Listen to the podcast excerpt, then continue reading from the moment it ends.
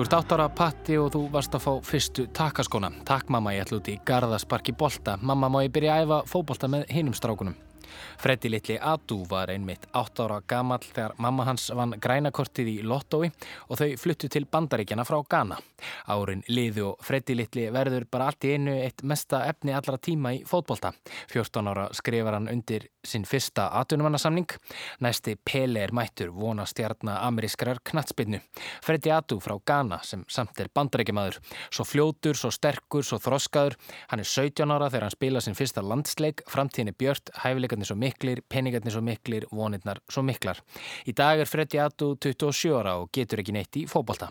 Jú, hann er ábyggilega betri en ég og þú, kæri hlustandi, en hann er allavega ekki neinu liði og spilaði síðast í finsku annari deildinni. Hvað gerðist? Hvernig er þetta hægt?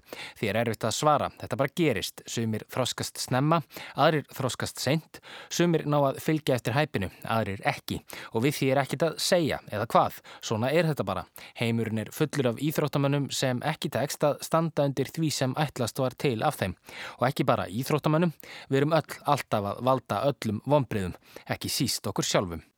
Þú reymar á þau skóna, mamma, ég ætla út í fókbólta, mamma, ég vil komin heim fyrir mat, mamma, ég ætla að halda áfram að æfa, pappi, taktu mynd, þú ert bestur á pollamótinu í eigum, þú skorur öll mörkin, þú ert alltaf í aliði, mamma, ég þarf betri takkaskó, mamma, það var eitthvað kall að byggja mig um að skipta um lið, mamma, ég ætla að verða atunumæður, pappi, akkur er alltaf að taka leikina mína upp á vídeo. 14 ára spilaru fyrsta meistarflokksleikin, mamma, ég ætla að komast í landslið, mamma, ég ætla að verða atunumæður.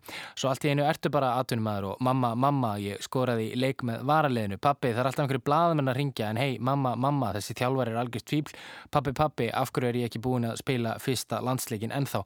Mamma, mamma, þessi þjálfar er algjör astni hei pappi, kannski er ég ekki svona góður? Jú víst, ég er bestur. Ég var alltaf bestur. Ég held ég komi samt heim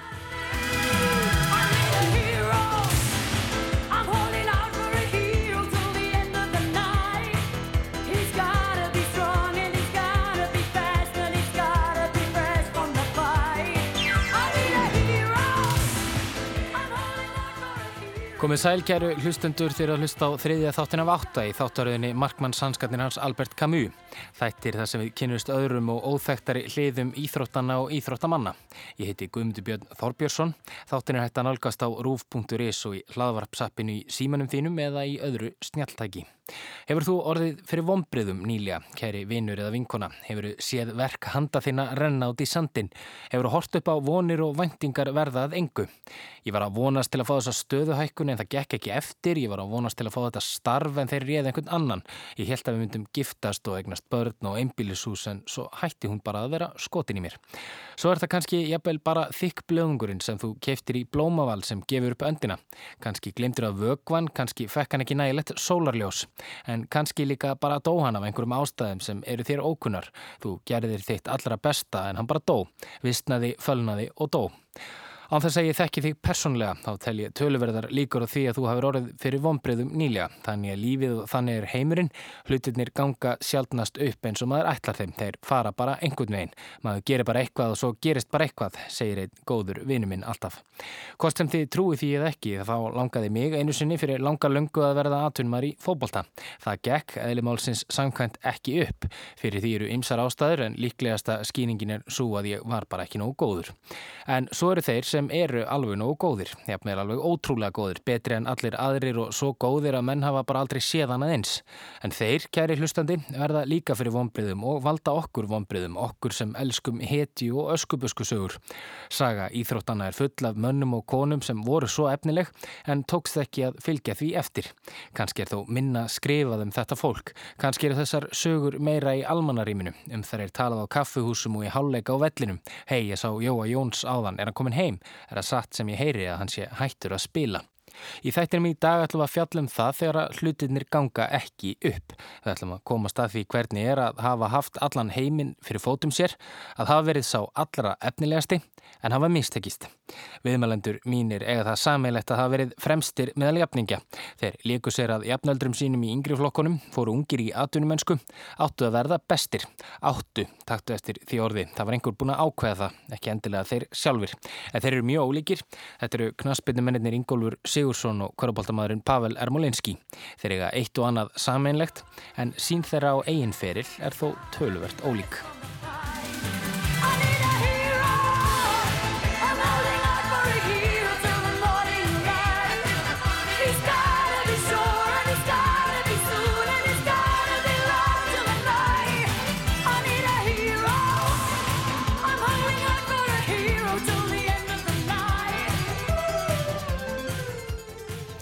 Ingólfur Sigursson. Nafnið kannast flestir íslenskir knatsbyrnu nefndur við þótt lítið hafi farið fyrir honum á síðustu árum. Ingólfur er ekki nema 24 ára gammal en manni finnst eins og hann hafi verið að í háa herrans tíð og það er jú tilfellið. Hann var aðeins 14 ára þegar ég herði nafnans fyrst í fjölmiðlum, þá fyrir 10 árum þegar hann gekk til liðs við Úlingaakademíu hollenska stórliðsins Herinfenn.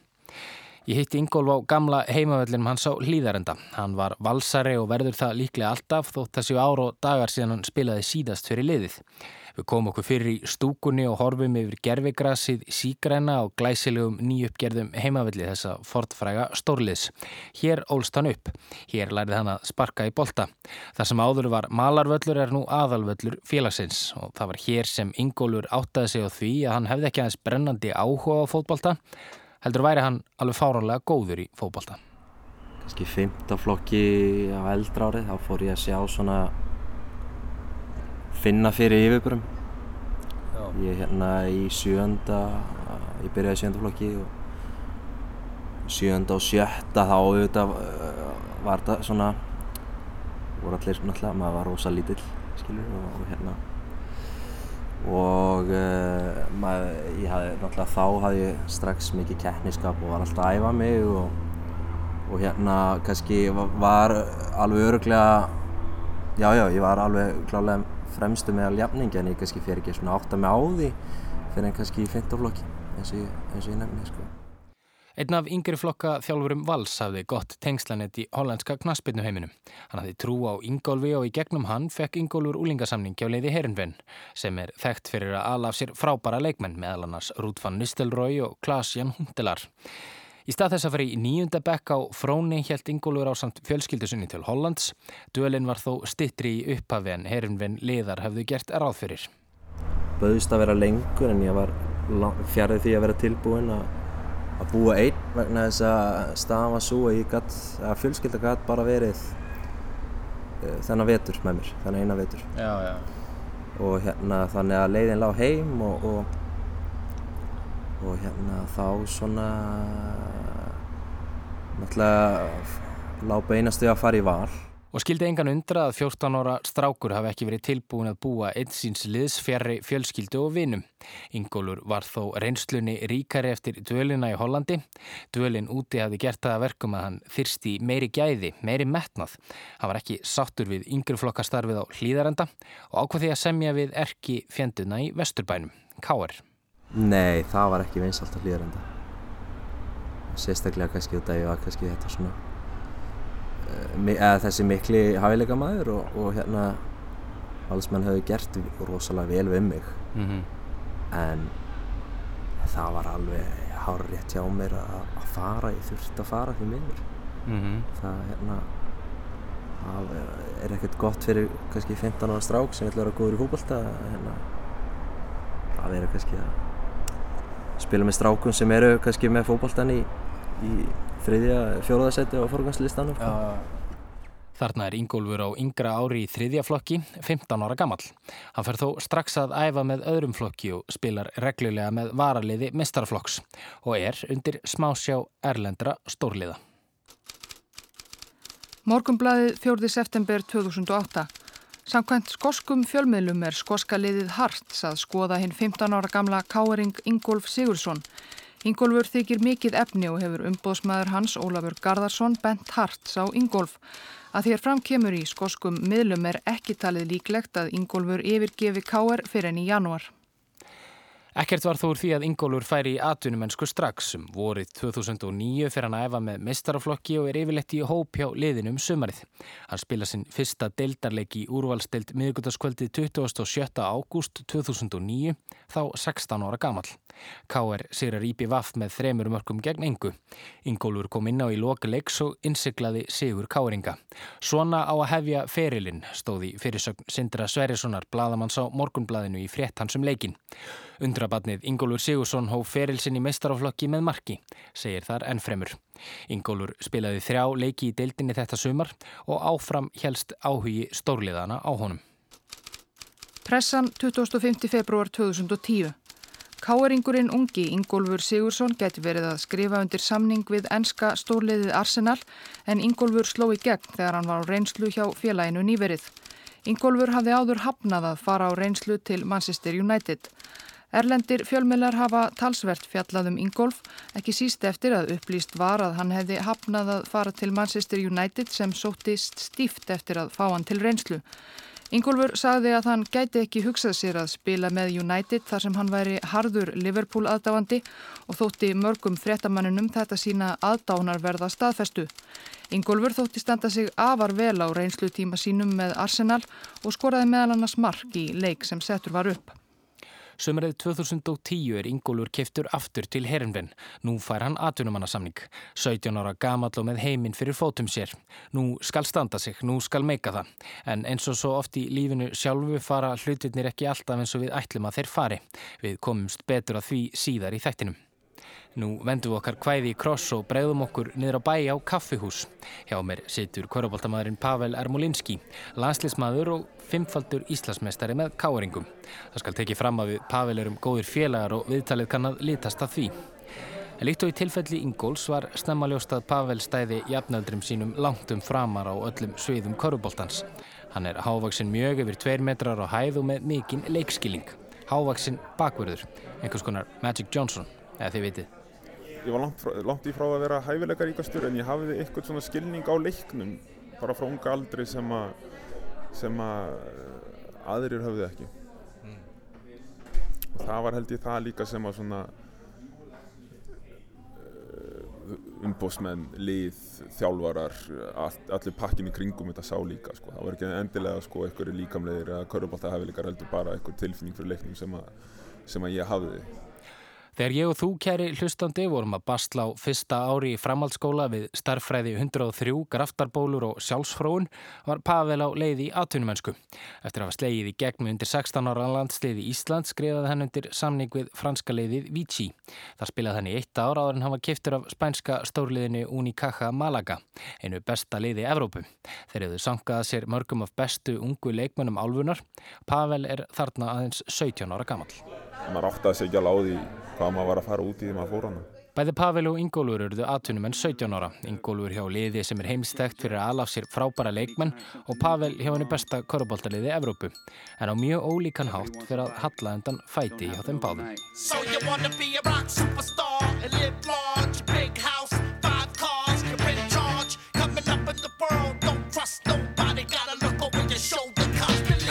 og var að spila þar með, með varaliðinu og sem var svona virkilega já, há, bara hár standard mm -hmm. mikil, mikil og góð gæði og er svona stend við dýra þreipið í, í aðaliðinu sko. mm -hmm. en, en það eiginlega tók svona frekar skjótan skjótan endi hann að í, í februarlokk 2011 sko þá er ég nánast þá er hérna hafði sem sagt kvíðaröskun leikið með hansi grátt og ég hafi verið rúmlíkjandi og fjárverðandi á æfingum og, og hérna leiði virkilega illa andlega og, og þá hérna var eiginlega bara bröða það ráð að fylgja mér reynlega til Íslands til þess að fá viðægandi þjónustu, læknistjónustu. Ingólfur segir kvíðan alltaf hafa fyllt sér, alveg frá því hann var lítill strákur.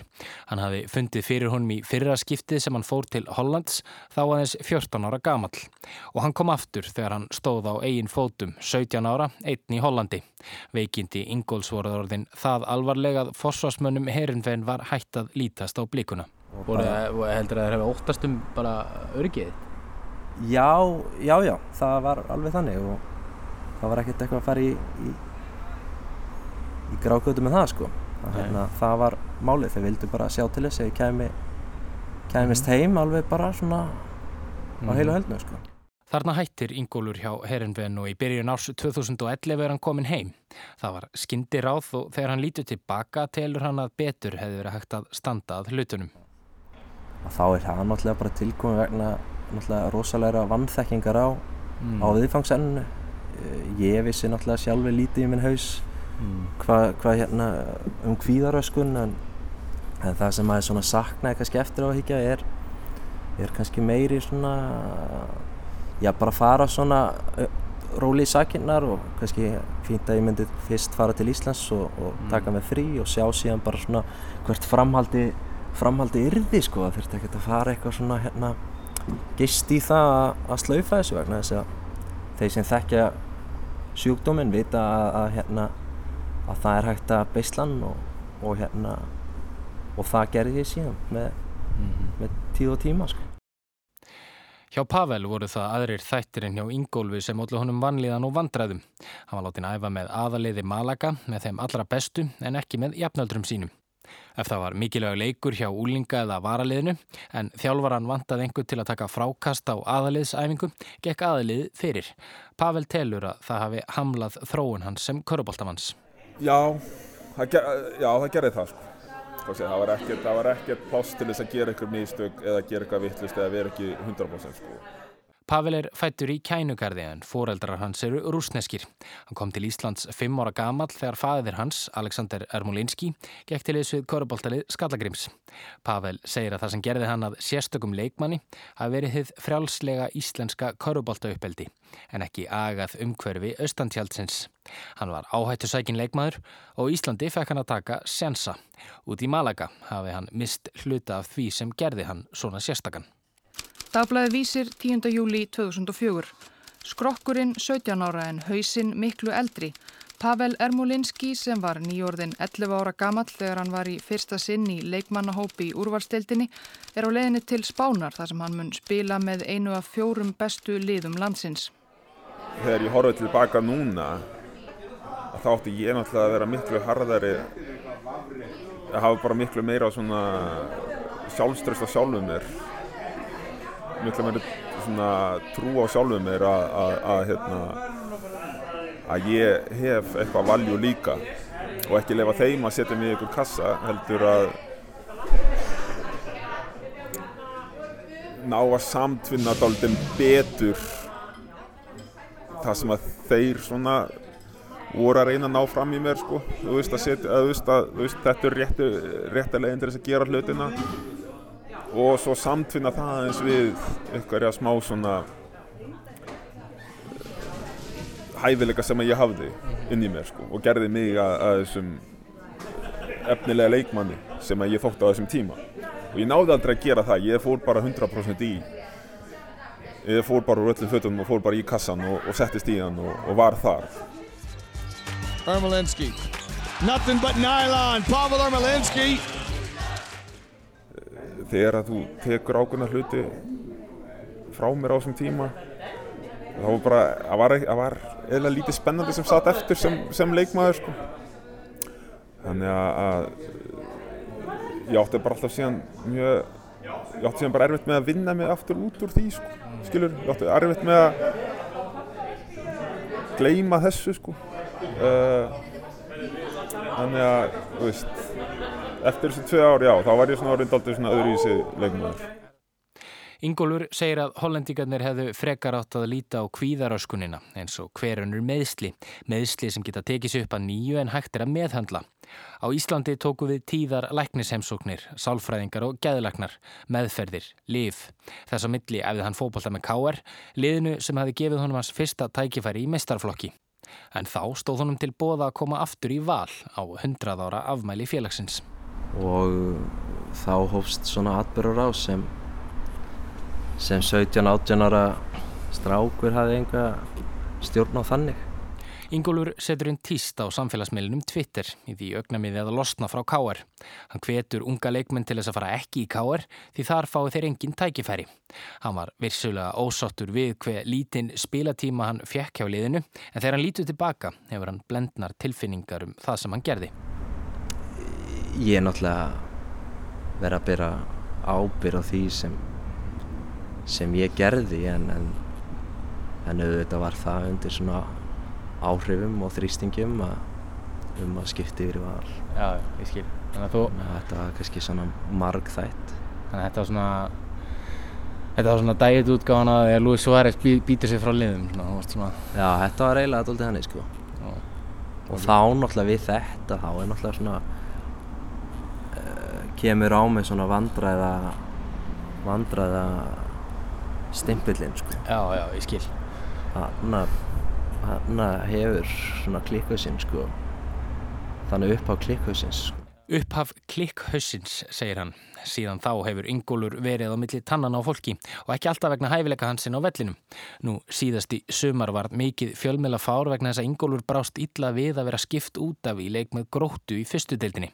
Það var til þess að Ingólfur hætti hjá liðinu og er nú án liðs. Þú veist það hafa svona komið upp og komið síðan þú veist síðast í sumar skilur þú út að ég hef náttúrulega ég kannski uh, fæ miklu aðtekli fyrir að vera rosalega efnilegur og er mikið í fjölmjölum og er mikið að frettir, frettum að mér og fólk fyrir að hafa sína skoðanir á mér og fólk fyrir að tala um mig og, og einhvern tíman allt frá því ég var 14-15 ára gamall og fólk haft skoðanir á mér og því sem ég er að gera og sem er náttúrulega mjög komist sko á, svona surrealist fyrir einhvern Já, heldur kannski þess að þetta atvik- sko. sumar, heldur kannski að það, þú veist, hefði ekki, hefði ekki flóið þátt í fjölmjölum eða verið einhver annar.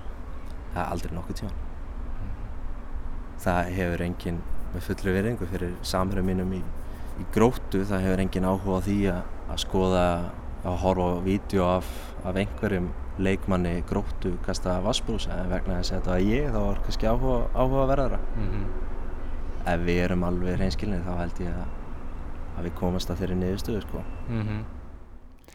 Atvinnumannaferlinum var þó ekki lokið hjá Ingólfi þrátt fyrir veikindin. Árið 2012 gerir hann atvinnumannasamning við danska úrvalsdeildaliðið Lyngby. Hann er í aðalhópi liðsins í dönsku úrvalsdeildinni en það æfintýri gekk ekki upp. Fyrir 20 ára aldurinn er hann alkomin heim. Hann segist hafa upplifað margt á sínum ferli og þótt hann sjáu kannski ekki eftir mörgu, sakni hann þess að spila fótbolta í hæsta gæðaflokki. Hann sakni þess að leika með þeim bestu. Það hafi þó verið hans val eftir að hann var alkomin heim, að spila fótbolta til að hafa gaman að því en ekki til þess að vera bestur. Hann hefur því meira og minna spilað í neðri deildunum hér á landi og það var hans leið til að glíma við kvíðaröskunina.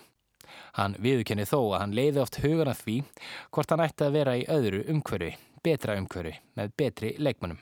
Sko kannski svona frábröði því sem ég gerir þegar ég kem heima þá er ég bara svona, ég ætla að vera heima og ég ætla bara að leika mér að spila fótbolt í fyrstild Mm. skiljur og ég hef ekkert og það er það sem ég hef verið að gera undan fyrir en fjögur ára þannig ég er ekkert hef ekkert verið með eitthvað svona háleitir hugmynd, háleita hugmyndir um eitthvað endur komið atvinnumennsku ég, mm. veist, það er eflaust allt og seint skilur nema til þessi rétt svo að, að komast í eitthvað hark á Skandinavíu sko, í Skandinavíu Á sinu þriðja ári hjá Malaga var Pavel lánaður til bjettildaliðsins Huelva sem þá var ógnar stert.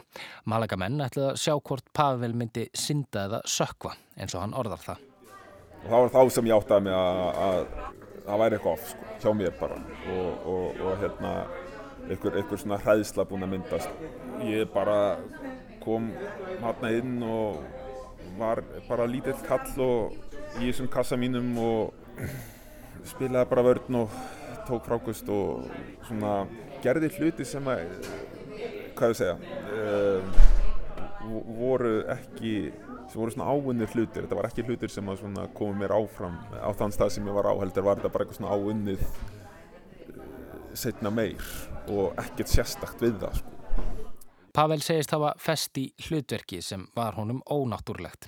Að tveimur árum liðnum var hann lánaður til Kanaríeja. Eftir það hættir hann alveg hjá Malaga og skrifur undir samning hjá liðinu Cáceres. Þjálfarinn þar hefur trú á Pavel og vil koma honum aftur í gang. Hann ætla að gefa honum annað tækifæri. Ég veit að þetta ert ekki þú sko, sagðan. Og hann ætlaði bara, þú veist, bara að gefa mig bara, þú veist, hann ætlaði bara að gefa mig tækifæri bara á að koma mér aftur í gang og, og, og hérna, ná einhverju smá, smá, hérna, smá touchi aftur, smá svona sparki aftur, smá neista. Uh, hann var rekin eftir einhverja þjár fjóra viku. Hann var rekin.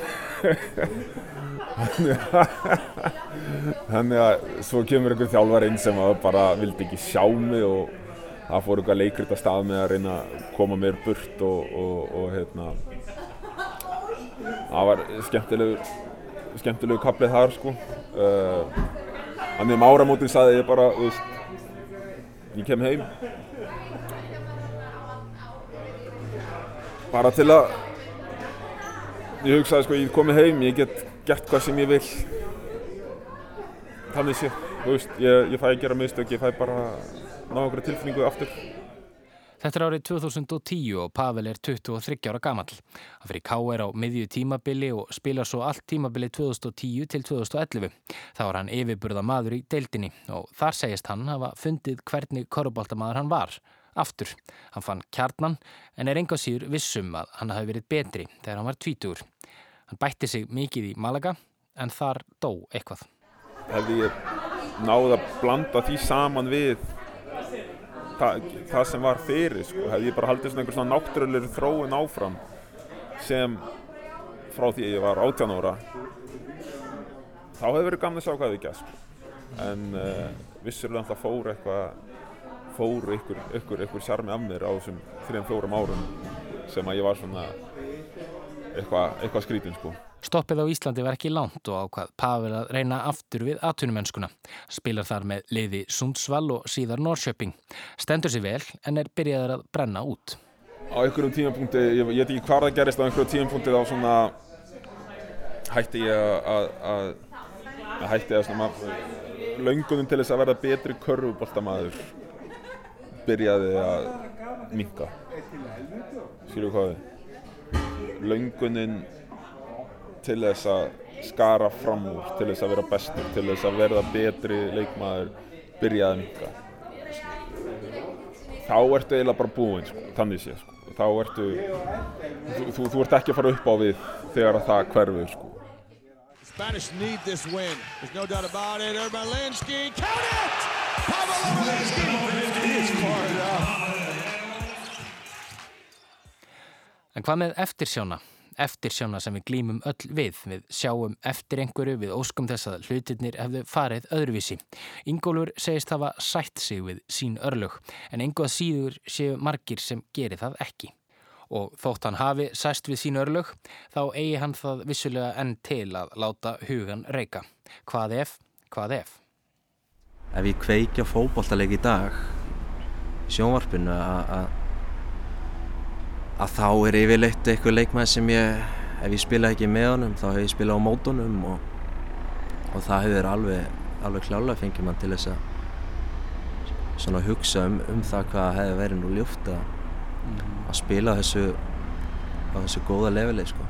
maður var kannski ekki að spila hann leik en, en þú veist, ef þú hefðir ekki veikst og ef allt hefði gengið svona þér að sólu þarna úti, hvað heldur á hvaða leveli heldur þú hefði getað spilað og náð? Bara eins langt og ég vildi. Ég ég held að uh, svona já bara kannski þeir svona hæfi þeir hæfileika sem sem komu til mín skilur við bara svona svona yfirbúra tækni kannski og skilningur á leiknum að það hefði getað fleitt mér alveg í fremstu röð sko hérna ég hefði alveg sennilega geta freistast þess að spila í meistradeildinni eða komið orðið, orðið ágætist landslísmaður og svo frá það sko. mm -hmm. ég held að það svona liggi í augum uppi sko Þegar Pavel lítur tilbaka þá er ekki beint að finna mikla eftirsjá í honum en hann veit þó hvað það var sem ollið því að hann náði ekki fremstu röð Ég var ekki nógu sjálfselskur ég var ekki nógu nógu mikill eigin hagsmunaseggur það, þar, eh, það þarðist bara í þessu því miður uh, þarft að hugsa um rassin á sjálfum öðurstundum og, og það er kannski erfitt fyrir 19-20 gutt að skilja það Pavel er fyrsti ungi Íslendingurinn sem fór út í atvinnumennsku í Korupálta. Þetta er harður heimur og hennir hæfustu koma stað. Og þó, ekki endilega alltaf þeirra hæfustu, líka þeir frekustu og það var það sem Pavel skorti.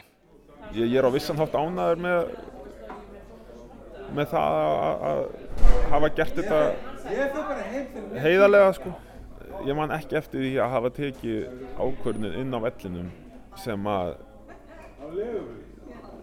var beigð á því að ég myndi græða á henni sko. Skiljuðu hvað er? Hvorki núna neða þegar að ég var 20 sko. uh, en hefði ég kannski gert það hefði ég kannski sagt, herðu, þú veist, hei, ég þarf að gera þetta til þess að, þú veist, þeir takja eftir mér eða gera þetta eða fá meiri mínútur eða whatever, sko. Ef ég hefði farið þennan pakka þá hefði, hefði þetta kannski spilast öðruvísi. Þú að tala um bara, herri, ég ætla bara að ná þrefaldri tvennu í kvöld, mér skýtsam um hvað öðrum finnst, ég ætla bara að gera þetta og fylla þetta statsheet og ná mér í feita samning. Vissulega, vissulega. En það, en það er bara, það er eins og segið, sko, ég, það, það er bara, held ég bara eðlislegt fyrir, fyrir mér að gera það ekki. Og það er, held ég, bara ókostur, svona eftir á hyggja, að, að bara frá því að ég var tíu ára og var kannski langbæsti leikmæður inn á vellinu, að þá gæti ég aldrei tekið sjálfsælska ákvörðun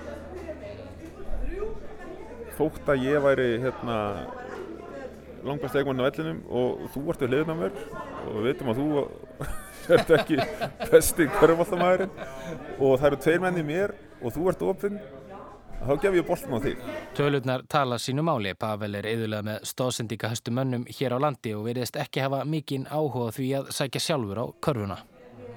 en það kannski komið átti að falli setna meir að, að, að hérna, vanta kannski aðeins meiri aðeins meiri svona hálfvita, hálfvita í mig sko. Þótt þeir Pavel og Ingólfur eigi það sameinlegt að hafa kannski ekki náðins langt og menn vonuðust til og kannski þeir sjálfur líka, er ekki hægt að bera ferla þeirra saman. Ingólfur lendi í harkalegum veikindum og tók sjálfur þá ákverðun að koma heim og spila í neðri deildunum á Íslandi. Það var hans leið til að glíma við kvíðan. Pavel hefur hins vegar unnið fimm Íslandsmeistaratitla með K.R. á síðustu árum. Hann er landsliðsmaður og hefur tvísar sinnum farið með landsliðinu í lokakeppni Evrópamótsins. Engu að síður hefur hann vægast sagt blendnar tilfinningar til eigin velgengni. Ég, ég held að körubólta, ég, sko, minn sé viss vonbreiði út frá átjónara Pavel. Út frá átjónara Pavel er ferillin minn vonbreið. Hann hafi þó vissulega fengið að upplifa aðra hluti, til dæmis mikla velgegni hjá K.R. Þar sé hann dæmdur af sigurum liðsins og sé laus við það að þurfa að skara fram úr persónlega. Þetta, þetta atvinnmann umhverju kannski hendaði mér bara mínum persónuleika ekki. Það var kannski, það var kannski, þetta var kannski bara allt döðadæmt frá, frá, frá, frá upphafi. Burt, burt sér frá einhverjum hæfileikum sem ég hafði að þá ég vil vinna. Ég hef lítið metnað til þess að vera betri körfballaleikmaður. En ég hef ennþá ótrúlega mikið metnað fyrir því að bara leiðið mitt vinni og ég geri allt til þess. Hvað sem það þýðir. Og uh, Heldur að það degi aldrei? Það deyr aldrei. Það, segi, það, er bara, það, er bara, það er bara persónleiki. Það er bara það, er bara það sem ég er. Uh, en á sínum tíma var ég í salnum allan daginn og gerði allt rétt. En það gekk ekki upp. Og ég held að stærstum hluta sé þetta mér að, ekki mér að kenna en ég held að sé bara mínum persónuleika að kenna sko. ég, ég, ég, ég get ekki orðið baka og sagt að ég, hefði geta gert meira svona að ég hefði geta æft meira eða lagt meira á mig gerði allt sem ég þurfti að gera sko. En er þetta ekki einmitt það sem þarf að eiga sér stað til þess að einhverjur verði superstjörnur þurfa 99% af okkar bestu mönnum að heldast úr lestinni. Til þess að Gilvi Sigursson verði bestur hafi Ingólfur þurft að dragast aftur úr. Til þess að einhver spánveri komist í NBA þurfi Pavel að víkja til hliðar. Það er bara þannig og, og ég skilði það. Ég, ég, ég, það er engin það er engin bitur, það er vissulega eftir sá en það er engin svona ég, finn ekki fyrir neinu svona ég mjög, mjög raunsar hvað það varðar að, að, að þetta að þetta hafi bara gæst þetta, þetta það hefði getið að fara öðruvísi það hefði getið að vera betra, það hefði getið að vera verð en, en, en, en það bara gerðist. Sorrow found me when I was young. Eftir, já, talandum eftir sjá, kannski svona, kannski vegna þess að ég var þú veist, ég stóð í dýragettin sko. og þú veist, eitt skref inn í inn í íbúðina og, þá hefði kannski maður fengið að upplifa stóra sig sko. í, í Hollandi og, eða bæði í Hollandi og í, og í Danmarku líka Cover me in rag and bone Sympathy Segir Ingólfur Sigursson, 25 ára gamall, hann er án liðs í augnablíkinu en hæfileikarnir eru ótvíraðir. Við heldum aðeins á lofti saman og ég hef aldrei séð aðra eins tækni. Pavel segist sjálfur hafa þurft að skilgreina sig upp á nýtt. Hann hefur engan áhuga að verða atvinnumæður aftur og hann hefur þurft að leggja körfuboltamannin Pavel til hliðar. Já, það sé ekki búin að því að, Pavel Köruboltamæðurinn hafi kannski doldið svona dáið með efnilega Pavel Köruboltamann. Eftir að það dó, eftir að þú veist, eftir að það tímabil kláraði sko, eftir að, eftir að ég hætti að vera sá, sá Pavel, að þá átti ég bara ekki meiri kraft eftir til þess að fylgja eftir körfubolta lífstíl og vildi kannski dóttir svona kúpla mig út úr út úr því sko þegar held, hef, hefði ég haldið áfram í því þá er ég viss um að ég myndi sitt í dag og væri núna gráta öxlina þína og vera bugaður og kenna allt á öllum um þetta. En ég sætti mig bara við að út af því að ég vissi hvað ég hefði ekkert orðið og ég var það ekki og ég var bara að leifa því að deyja. Og við það fættist bara nýr Pavel. Ef sá Pavelið ekki fæðist þá væri, sæti ég mögulega hérna upp með einhvern þróta Pavel sem væri ekkert nema köruboltinn og það gekk ekki og þá er lítið eftir. Vissulega, ég væri núna að hrauna yfir alla þjálfurna sem ég hef haft og, og hérna alla samherjana og enginn skildi mig og, og hérna ef ég fengi eitt sensi viðbóta þá get ég svo sko sínt þeim sko en uh, ég er svo sem bara sáttu með ég, ég, ég, ég er mjög sáttu með að hafa, hafa leift honum að deyja en á sama tíma náttúrulega leift ykkur um hæfileikum að deyja sko. og þeir eru að deyja hægt og rólega. Og það er allt í lægi það er allt í lægi þú veist, það er bara, þetta er bara lífið. Þetta gerist bara Í upphafi þessa þáttar var talað um vonbreyðin sem eiga sér stað í líf okkar þegar hlutirnir ganga ekki upp, þegar hlutirnir fara ekki eins og þeir áttu að fara. En sannleikurinn er kannski sá að vonbreyðin eru mögulega okkar hinna, okkar sem stöndum á hliðalínunni og vonumst eftir einhverju öskubuskusögu, einhverju ævintýri á meðan við hámum í okkur snakkpóka. Á hverjum degi mætum við takmörkunum okkar og hverjum degi gemist við upp og það sem veldur uppgjöf okkar er ekki alltaf okkur að kenna. Við ráðum bara svo svo miklu. Við höfum bara stjórn á mjög litlu. Við verðum veik, við verðum lítil í okkur, þjálfarinn fílar okkur ekki, krossbandið slittnar og svo framvegis. En Ingólfur og Pavel eiga það sammeilegt að taka ábyrð. Taka ábyrð á öllu effing shitinu eins og Óli Steff saði fyrsta þætti þessar þáttaraðar. Til eru þeir sem gera það ekki. Ég spilaði einu svona fókbalta með manni sem var ekki fyrirbúin að klára bjór nr. 2 og hann var komin á aukslinu á mér talandi um hvað góður hann var og bara ef hann hefði ekki djammað svona mikið og farið á öll þessi böll og ég veit ekki hvað og hvað. Og þótt ferlar þeirra Ingóls og Pavels hafi farið öðruvísi en bólurinn vildi og mögulega öðruvísi en þeir sáu fyrir sér er ástin á leiknum ennþá til staðar og ekki lóku fyrir það skotið að eitt ævintýri viðbót fá að líta dagsins ljós. Ævintýri sem við, ég og þú kæri hlustandi, myndum elska að heyra. Römmir svo taug er rekka dregur föður túna til, segir í ævafornu kvæði. Heldur þú að erist að spila fyrir val aftur? Ég veit það ekki. Það væri kannski gaman. Það væri gaman í einhverjum svona draumaheimi sko en, ja, og ég efa það ekki, ég hef margt fram að færa sem, sem geti nýst en vel en þú veist, ég, ég sjá við verðum nú bara, tíma verður að leiða það í ljós. Já. Kanski rennur upp svo stund að Ingólfur klæðist rauðu treyjunni á hlýðarenda aftur. Hæfileikarnir eru til staðar um það efast engin maður. Og í borgarnesi býða diggustu og soltnustu stuðningsmenn landsins eftir tínda seninum. Þetta er rosalega körpallta bæir, þannig að vinna titil fyrir þau eru þið bara geggja, bara eru þið eitt stærsti kaplinn sögu bæir, sko. þannig að geta hluti af því og, og, og tekið þátt í því væri geggja.